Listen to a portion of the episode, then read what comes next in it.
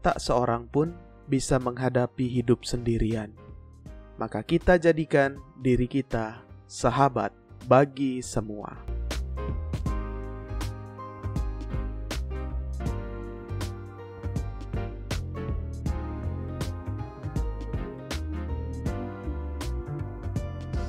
Anda mendengarkan Sahabat Seperjalanan Podcast bersama saya, Romo Bekti. Halo teman-teman, sahabat-sahabat seperjalanan, cuy apa kabar? Luar biasa pastinya. Belakangan ini kita dengar di media, di radio, di tele televisi, di YouTube bahwa ada aplikasi yang sedang naik daun nih, sedang hype, sedang hits.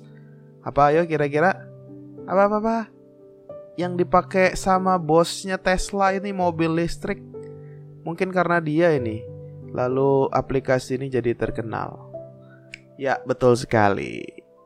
Baru-baru ini media sosial dihebohkan dengan kemunculan kemunculan aplikasi Clubhouse yang baru muncul di iOS. Jadi buat para pengguna Android, entah Anda nggak tertarik, entah Anda emang nggak bisa mengakses, tapi rasanya cukup tahulah dengan aplikasi Clubhouse ini. Kalau yang belum tahu, aplikasi ini bisa kita pakai untuk ngobrol, berdiskusi secara live dan didengarkan oleh audiens. Jadi semacam kalau kita masuk ke kelas, lalu kita dengarkan orang diskusi di depan, entah itu diskusi, entah itu presentasi, lalu kita dengerin aja gitu. Tapi kita juga bisa nanggapin sih ikut diskusi, tapi kalau di kelas kan dia kayak tunjuk tangan gitu ya.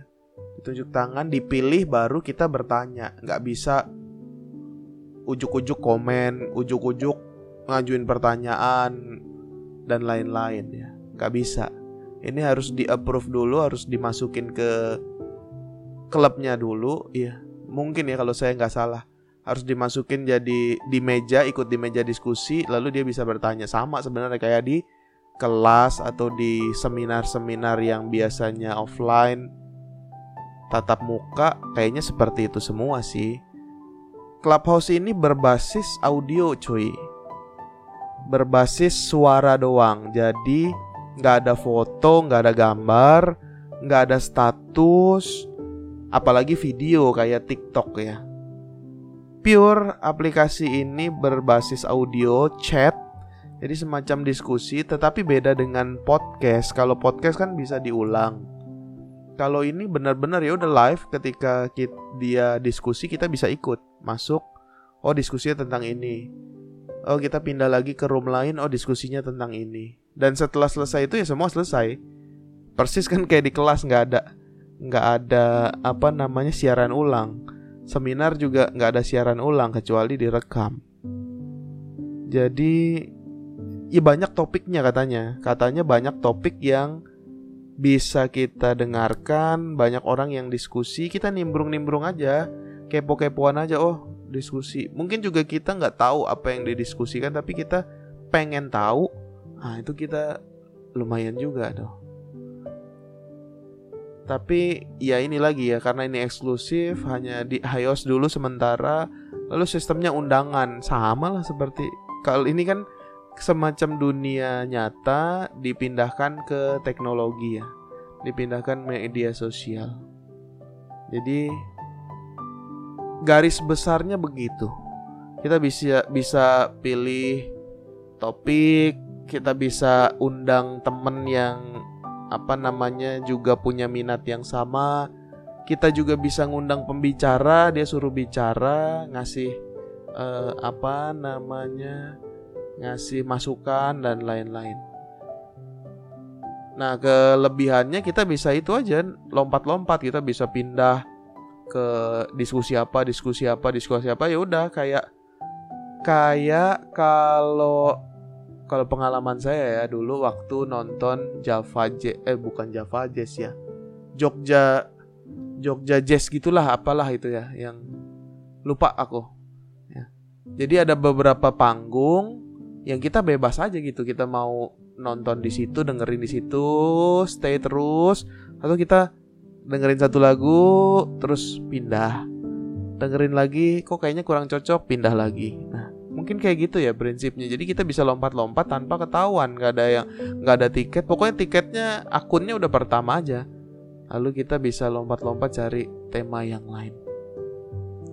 Dan pasti karena nggak usah ada video kita bisa sambil kerja yang lain dengerin sambil kerja yang lain. Kan gitu. Bisa kita sambil olahraga sambil apa bersih-bersih rumah kita juga bisa dengerin yang lain maka teman-teman yang terkasih, sahabat-sahabat yang terkasih, rasanya nggak jauh beda ya. Kita tuh orang yang menggunakan indera pendengaran. Maka tidak salah juga kalau kita senantiasa itu mendengarkan sabda Tuhan. Kita lompat ke sana kemari, ikut diskusi ke sana kemari, tapi kita telinga kita tidak pernah mendengarkan suara Tuhan Telinga kita tidak pernah mendengarkan bacaan-bacaan dari kitab suci. Telinga kita tidak pernah digunakan untuk mendengarkan nilai-nilai homili-homili keutamaan-keutamaan Kristiani yang senantiasa dibagikan dalam perayaan Ekaristi, dalam ibadat dan lain-lain. Maka jangan lupa telinga kita boleh mendengarkan berbagai macam hal. Kita jangan lupa juga kepo sama kehendak Tuhan.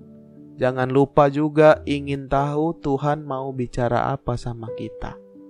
Jangan sampai kita banyak tahu segala hal, tetapi kita telinga kita nggak pernah dipakai dan nggak pernah tahu kehendak Tuhan dalam hidup kita. Rasanya bagus kalau kita juga diskusikan ini dalam apa? Clubhouse.